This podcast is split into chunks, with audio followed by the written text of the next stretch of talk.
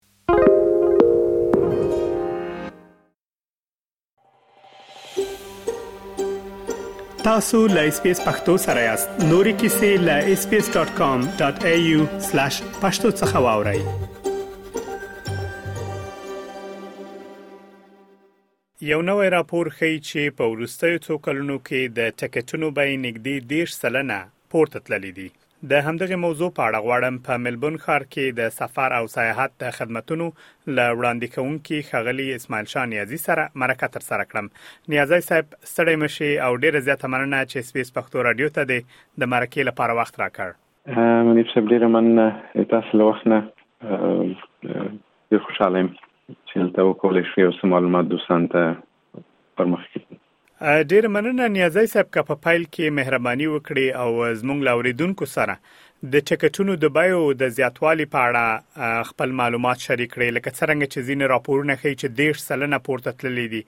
تاسو چې له تېرو څو کلونو راهیسې دا خدمات وړاندې کوئ،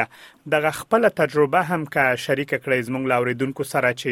دوه درې کاله مخکې له کورونا نه مخکې وضعیت څرنګه و، کورونا کې څنګه شه او اوس وضعیت څرنګه ده؟ منیب صاحب ډېر ښه شي ته مې اشاره وکوله ځکه د کورونا په شرایط کې خو موږ تاسو مخکې خبرې کړې وي چې ډېر مشکلات خلکو ته د سفر خصوصا استرالیا ته تګ راتګ کې خو پروس کال په نومبر کې اکثره محدودیتونه لغوه شو او استرالیا ته سفر کول تګ راتګ اسانه شو خو دلته یو غټ مشکل سره موږ خصوصا افغانان عموما ټول خلک د سره مخامخ دي ځکه چې په استرالیا کې اکثرا مهاجرین ژوند کوي ډیری اروپایان او عربان افغانان پاکستاني دا ټول هندیان د استرالیا کې ژوند کوي دوی اکثره خپل مملکتو ته سفر کوي نو دغه د کورونا د وجې نه یو ډیر زیات فشار په پروازونو پیدا شو بس لدې چې د محدودیتونو لري سي نو دلته ایرلاینونو سره امکانات کم وو او مسافر ډیر نو دغه یو لامل شو چې نرخونه ډیر پورته لاړ که هغه ټیکټ به مخکې مونږ په فکر کې 1200 خرڅاو په دې شرایطو کې په 3.5 تر 4000 ډالر شو ځکه هلته ډیماند ډیرو او سپلای کم نو او بل ایرلاین سره امکانات کم او ځکه تاسو یاد په یاد وی اکثر ایرلاین خپل فعالیتونه بند کړ او دا کله چې بیرته بارډر خلاص شو نو دی وخت کې ایرلاین سره کاریګر نو چې دا تیارسته ته کارګر نشته تر څو دوی خپل فعالیت مخکې بوزي نو هغه کوم ایرلاینونه چې فعلا فعال دي هغه کافي نه دي د استرالیا د مسافرو لپاره نو دا شاید آینده دولس میاشتې دغه مشکلات سره مخامخ یو ډیر زیاته مننه نیازی صاحب که چیرته مشخصا افغانستان ته د ټکټونو په اړه خبرې وکړو یا هم پاکستان ته چې نن سبا افغانان ډیر زیات هلته هم ځي که په دې اړه معلومات راکړئ چې نن سبا تقریبا ټکټ افغانستان ته په څو پیدا کیږي او له کورونا مخکې وضعیت څرنګه وه؟ منیب صاحب افغانستان ته مشکلات شته خو الحمدلله اوس دغه دوه ایرلاین چې فعلا فعالیت کوي له دوبین افغانستان ته چې آریانا هر ورځ یو پرواز لري او کامیر هر ورځ پرواز لري نو موږ افغانان سفر کوي کوم مشکل نشته ده یو څه نس د اواخرو کې هلته افغانستان کې هم سناسي شرایط ښه شو د امنیتي او خلکو ته لږ احساس ډاډه وي اوس فعلا سفر کوي افغانستان ته ځکه چې طالبان هم چا سره کار نه لري او دغه پروازونه هم ادامه لري خو خارجي ایرلاین نو فعلا فعالیت شروع کړی نه ده چې هغه به څه دلیل وي خو دوی خو اکثرا هم دا امنیتي موضوع ته اشاره کوي خو هغه امنیتي شرایط هم موږ چې وینو چې د پروازونه زی راځي افغانان زی خارجيان زی کوم مشکل نشته ده خو خارجي اعلان تر اوسه پورې اقدام نه کړی چې دغه باعث د دې چې هلته کمپټیشن نشته نو د آریانا او کامیار نرخونه پورته کړی دي سابق به له دوبۍ نه کابل پورې رفت عامه ټیکټ به 300 ډیر مقیمت او 500 ډالر وو رفت آمد اوس هغه ټیکټ دوه چنده ده چې زر تر یولس سوه ډالر پورې رفت آمد ټیکټ استرالی دا چې درته یادوري کوم استرالی ډالر نیازی صاحب که په دې اړه مشخصا خبرې وکړو چې نن سبا له درې زره ډالرو څخه ارزانه ټیکټ امکانات شته چې افغانستان ته پیدا شي متاسفانه افغانستان ته متاسفانه نه افغانستان ته ټیکټونه دغه وجه ده چې سابق به موږ یو ټیکټ یو ایرلاین نه اخیسته امارات ایرلاین به فلایټ کابل ته درلوده نو استرالیا نه به هغه ټیکټونه ارزانه تمامېده اوس موږ مجبور یو چې یو ټیکټ تر دوبۍ پورې دوبۍ پورې هم ټیکټونه پورته تللی دي په دسمبر او جنوري کې موږ تاسو معلومه ده په استرالیا کې سکول هالیډې سیزن وي او دی وخت کې بیروبار ډیر وي د مسافرو نو ایرلاینونه هم نرخونه پورته وړي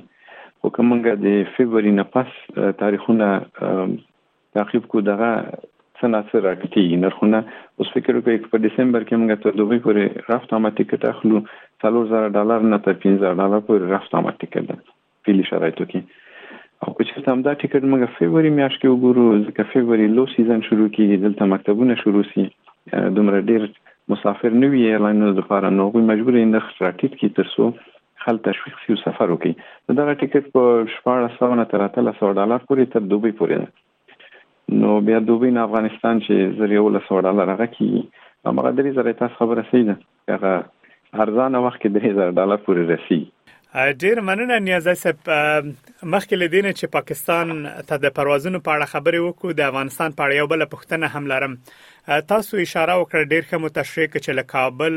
څخه دوبۍ ته یا له دوبۍ څخه کابل ته د ټکټونو ډیر قیمت سابق په څلور سوه شاوخوا باندې خلک تلای شو او اوس نن سبا یوازې هغه ټکټونه زر یو لسو ډالر دي څه فکر کوئ چې په کوم حالت کې امکانات د دې شته چې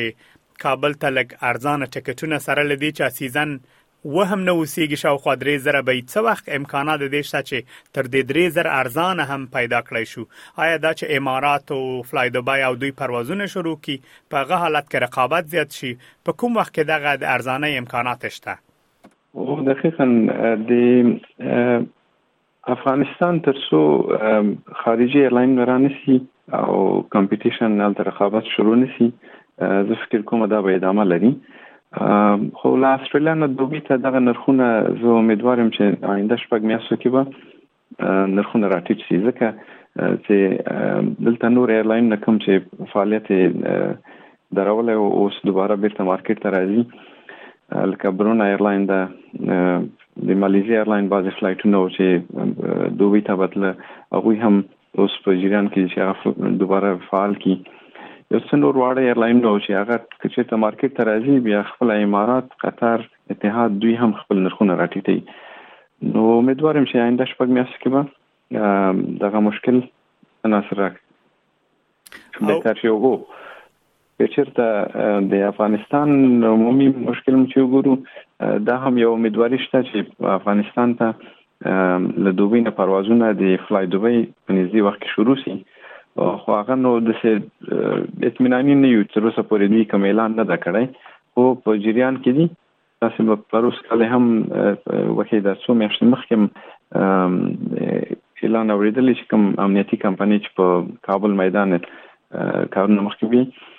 نو دغه کمپنۍ هم د اماراتو ده نو هغه سره یو امیدواري پیدا شو خو بیا هم ایرلاین تر اوسه پورې اقدام نه ده کړی. مننه نیازی صاحب که چیرته پاکستان ته د ټکټونو په اړه هم خبرې وکړو ځکه نن سبا یو زیات شمیر افغانان له هغه وخت نه چې طالبان واک ته رسیدلی د دې پر ځای چې افغانستان ته لاړ شي زی پاکستان ته سفر کوي او همدارس پاکستان کې کوم پښتانه چې ژوند کوي غوي هم له دې لارې سفر لري د دې لپاره دغه اوریدونکو لپاره هم لګ معلومات وړاندې کړو غواړم د ټکټونو په اړه پاکستان ته واورم چې آیا پاکستان ته ټکټونه نسبت افغانستان ته ارزانه دي او کدي قیمتونه څرنګه دي بله منیب صاحب د پاکستان هغه دا چې هلته همیش خارجي الاین نو رفت آمد درلوده او مغه عادي پروسه روانه ده نو کمپټیشن ډیر ده ځکه آپشنونه ډېر لرو. اوس که تاسو پاکستان ته وغواړئ سفر وکوئ، له خپله اسټرالیا نه تر پاکستانه پورې هم امارات ځي، هم قطر ځي، هم سریلانکا ایرلاین ځي،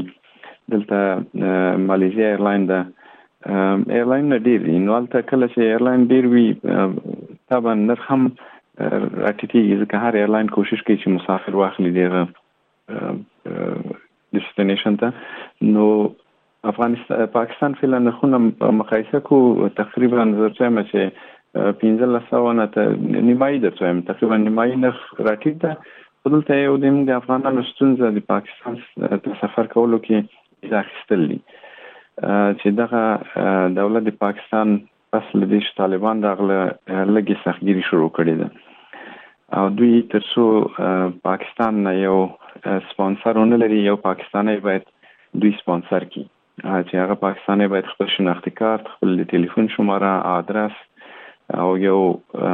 بل د برخ یا بل دیګی چې هغه د همدغه کس په نامه اوسېږي دا تر څو دې کس سره راونه لېږي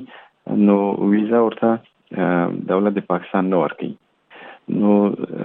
دغه د ستونزې د ویزې دي چې هغه کې موږ اکثرا افغانان سره کومک کوو تر څو هغه شرایط ته برابر کو او سفارت ورته ویزه ورکړي نیازی صاحب که چیرته مهرباني وکړئ ایران ته د ټکټونو د بیو په اړه هم معلومات ورکړئ ځکه یو شمیر افغانان هلته هم سفر کوي او بل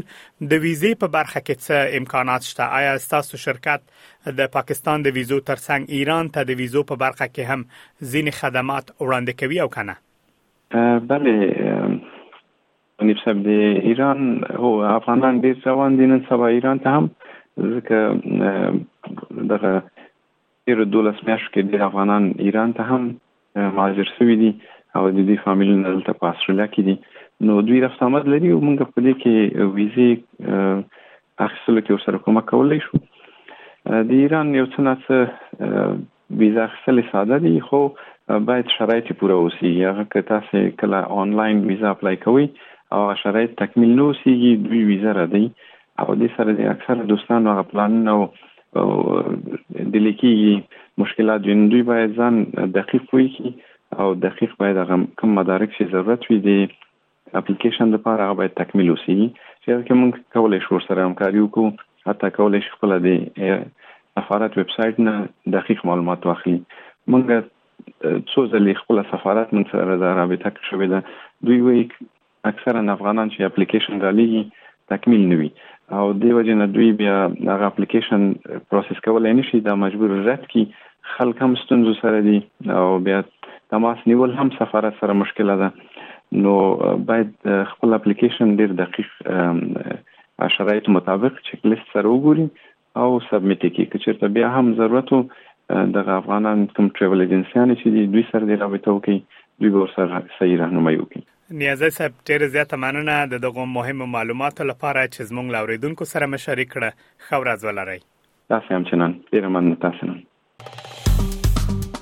اس پی اس پختو په فیسبوک کې تا کې پلی مطلب یو فاک کړئ نظر ور کړئ او له نورو سره شریک کړئ